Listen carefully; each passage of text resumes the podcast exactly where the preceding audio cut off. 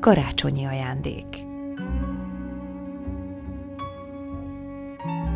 A szavak, későbbi mesterségem nyersanyaga mindig elragadtattak. Apám mondókákat, ódivatú, gyönyörű magyarságú köszöntőket tanított nekem, olykor értelmetlen, réges-rég jelentésüket vesztett igéket. Ha nehezen alszom el, ma is eleldünnyögöm néha a különös gyerekkori bájolót. Ányi-pányi pozsonyi, csiki-máki papriki, hozd ki fiam a széket, néki adá a könyvet, telebuti páti. Ilyenkor visszatér a szülői ház biztonsága a sötétben, s nem a pasaréti jegenye bólunk be az ablakunkon, hanem a hajdani bodzafák.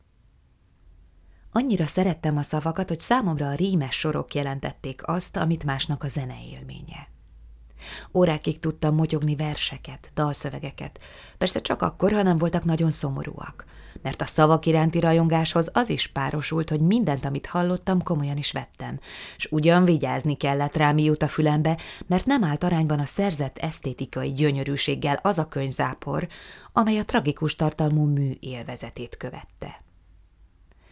A munkáját veszélyeztető érzelmi hatás elől következetesen menekülni vágyó Iza kapta meg a Pilátusban. Gyermekkori tulajdonságú ezt a vonásomat, Míg alakját felépítettem magamban, elelmosolyodtam rajta, mind hívom majd segítségül valami lényeges rögzítésére a kis Giliről szóló éneket. Otthon hamar rájöttek arra, mekkora bömbölés következik, ha apám vagy anyám elfeledkezik várható reakcióimról, s vigyázatlanul eldalol valami régi búsdalt. Zöldágon kis kilizokogva búg, harsogta borotválkozás közben apám, s azonnal abba is hagyta, mert tüstént fülrepesztő ordítás hallatszott abból a helyiségből, ahol éppen tartózkodtam. Hogy is ne? Mikor, bár nem tudtam, mi lehet az a kis gili, azonnal együtt éreztem vele, mert zokogni is rémes, hát még zokogva búgni, s az, hogy valaki nem leli a párját, még írtózatosabb lehet.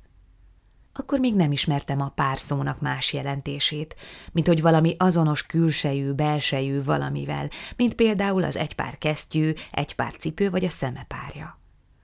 Azonnal láttam a kis gilit, aki minden járókelőhöz odahajol, sóváran az arcába néz, aztán zokogva búg, mert senki sem hasonlít hozzá. Nincsen párja. Apám szeretett énekelni. Egyik kedvenc műsorszáma volt a megzenésített Petőfi vers, Fürdik a holdvilág. Egy időre le kellett mondani a kedves daláról, mert valósággal rosszul lettem a bánattól, valahányszor hallottam. Azonnal megjelent előttem a haramia, aki mélázik az erdőben. A mélázásról azt gondoltam, az valami sokkal gonoszabb dolog, mint a gyilkosság, és részint mert mélázik a boldogtalan, részint meg mert nem hallgatott az édesanyja szavára, most aztán előbb-utóbb felakasztják. Apám, hogy dalolhassa, átírta a szöveget. Máig emlékszem rá, hogy életem első éveiben hogy alakult ez a csepp remek mű a mi otthonunkban. Fürdik a holdvilág az ég tengerében, sétálgat a legény erdő közepében. A botja nyelére támaszkodva mondja, jaj, de jól is élő, nincsen semmi gondja. Édesanyám, mindig javamat akartad. Ha fázott a hátam, mindig betakartad. Elhagytam a házad, tehénpásztor lettem, de majd felkereslek, csak ne aggódj, szentem. Mivel otthonunkban minden élt, tárgy, fogalom, mesefigura, s személy is volt minden, mindenki, a jóság épp úgy, mint a meteorológiai jelenség, mondjuk a mennydörgés, mindent lehetségesnek tartottam, s bármiről állítottak valamit, elfogadtam, elhittem, úgy számoltam vele, mint realitással. Házunk sajátos légköre és a szavak jelentésének azonos pillanatban történő elsődleges, ugyanakkor tüstént áttétes, megváltozott tartalmú érzékelése nem is eredményezhetett mást, mint hogy nem ismertem, nem fogadtam el élettelent. Nyilván ezért ajándékoztam meg egyszer egy karácsonyon a hóembert is.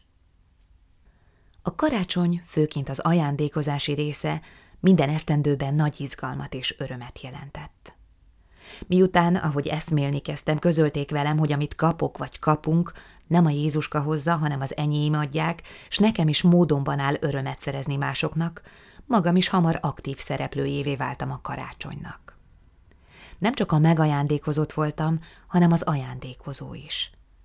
Bárkit meg volt szabad örvendeztetnem, de vásárlásra nem kaptam pénzt. Nekem kellett előállítanom az ajándékokat, vagy odaadnom valamit a kiválasztottnak gyér kincseimből.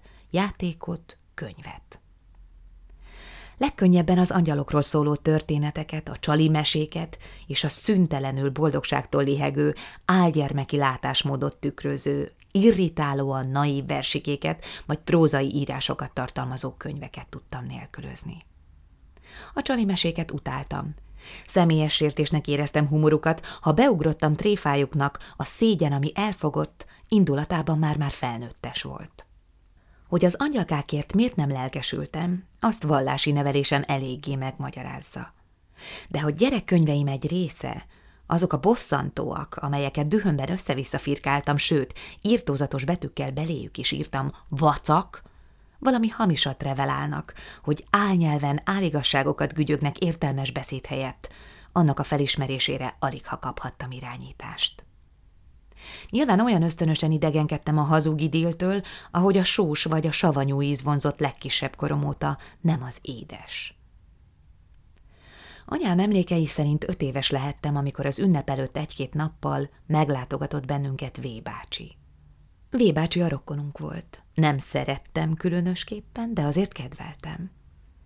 Mikor észrevettem, hogy befelé tart az udvaron, Felemelkedtem a guggolásból, mert éppen a hóember talapzatát tökéletesítettem.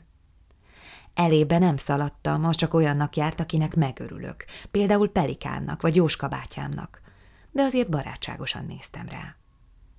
Vébácsi integetett, csomag volt a baljában. Megdobbant a szívem. Ugyan nekem hozta-e? Felkapott, megcsókolt, aztán visszazuppantott a földre. Az ajándékról nem beszélt, a hóemberemet nézte, amely apám mesterműve volt. Felnőtt férfi nagyságú délceg példány. Szeme szín, orra répa, szája fésű. Hénye, de gyönyörű, mondta a bácsi. Szerényen mosolyogtam. Hát ez mit kap karácsonyra? Rábámultam, aztán a hóemberre, akinek kalapja is volt, igaz, hogy csak szabna. Nagyon kedves hóember volt. Anyám rongyot terített a hátára, mert féltettem megfázik, hiszen nem mozog. Azt csuttogtam. Semmit. Na tessék, szép kis ünnepe lesz. Szegény hóember. Elkomorodtam. Azért én csak ugyan szívtelen vagyok és feledékeny. Itt ez a hóember, és kimarad az ajándékozásból. Mindenki kap valamit, még a macska is. Elfeledkeztem a hóemberről. Meg lehet rólam a véleménye. V bácsi haotázott, indult befelé. Adhatnátok neki legalább egy vödröt, legyen miben elolvadnia, ha jön a tavasz. Mégiscsak kínos lehet szétfolyni a földön. Bement hozzánk, én meg csak álltam. Rettenetes kép volt az olvadó, megsemmisülő hóember, majdnem olyan, mint a tehénpásztornak állt, megjavult harami a hajdani akasztófa perspektívája. Igaz, való igaz, minden hóember elolvad tavasszal. Ha elolvad, eltűnik, beszívja a föld. Micsoda szomorúság! Vödröt mondott V bácsi. Vajon anyám odaadja a hóembernek a vödrünket? Nem volt valószínű. Egyetlen vödrünk volt, a fürdőszobában állt. A vödör nem az enyém, az a miénk. Persze egy fazék is megtenné, csak hogy nincs fazekam, még baba fazekam sem. Nem szerettem én főzőcskézni. Néztem a hóembert, törtem a fejemet, Végre eszembe jutott valami, akkor áttáncoltam a vastag havon. A konyhában meleg volt, főzésszag. A macska a tűzhely alatt feküdt karikába gömbölyödve. Annak teniszlabdát szántam az ünnepre, az is az enyém volt valamikor. A bácsi később elment. Különlegesen szépen köszöntem neki, mert hálás voltam, hogy figyelmeztetett valamire. Karácsony napján nem sokkal fagyújtás előtt besonfordáltam a hálószobába. Anyám éppen átöltözött, áthúzta a nyakán a világos kék ruháját. Szeretnék még valakinek ajándékot adni, mondtam. Kinek? Nézett rám csodálkozva. A hóembernek.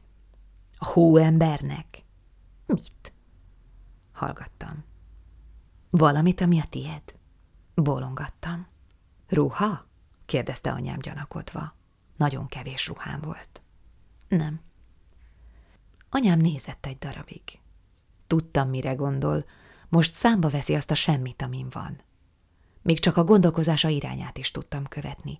Nem valószínű, hogy a hóembernek valami értékesebb tárgyra volna szüksége.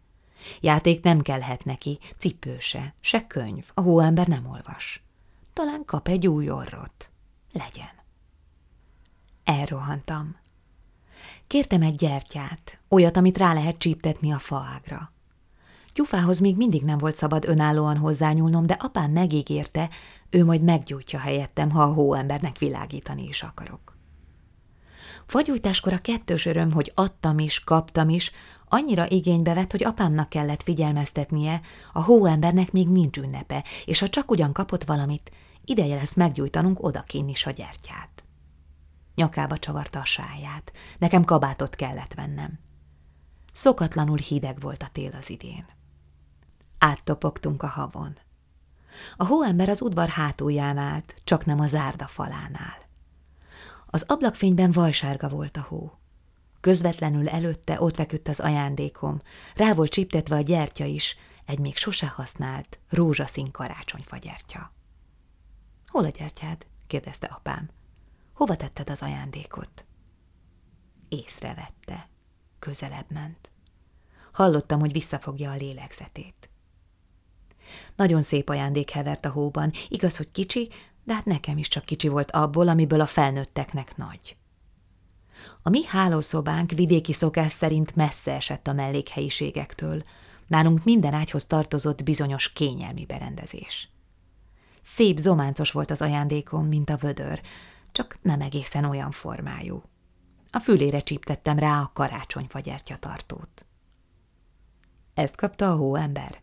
Kérdezte nagy sokára apám. Ezt, mondtam ragyogva. Mert majd el fog olvadni, és ha nincs mibe, elnyeli a föld. Apám hallgatott. Az volt az érzésem, valami bajt csináltam, és ugyanakkor az, hogy mégsem. Nem szabad neki adnom? kérdeztem félénken. Az enyém. De, mondta apám, és zsebébe nyúlt a gyufáért. Meggyújtotta a gyertyát, s állt előtte velem egy percig. Megfogta a kezemet is, jó meleg volt a tenyere. Mindig szerettem őt, de abban a pillanatban valahogy forróbban, felnőttesebben. Kívánj neki boldog ünnepeket, mondta, aztán fussunk, vagy. Bent meleg volt. Apám ledobta a sáját, leült a szokott helyére a nagy székbe, anyám az asztalt rendezgette, Vacsorához készültünk. Neki adhatta? kérdezte anyám a tányérhalmaz felett. Az övé? Apám hümmögött. Hát akkor gyerünk vacsorázni. Apám nem állt fel a nagy székből. Két térde közé fogott engem, belenézett a szemembe. Fekete keretes szemüvege mögött szomorú volt a szeme, meg tudom is én milyen. Furcsa. Megfogta kurta coffomat, annál fogva tartott, úgy nézett rám sokáig. Vacsorázni? mondta anyám, és asztalhoz ült. Apám végre elengedte a hajamat, felemelkedett. Mi lesz belőled, mond? kérdezte. Úgy kérdezte, mint egy felnőttől. Mire nőzte fel Dolna? Nem foglalkoztatott még akkor, mi lesz belőlem, nem is érdekelt. Éhes voltam, vígan kalapáltam a villával. Apám időnként rám tekintett, én meg rámosolyogtam. Az ünnep súlyosan, mégis könnyedén úszott el a házunk felett, mint a felleg.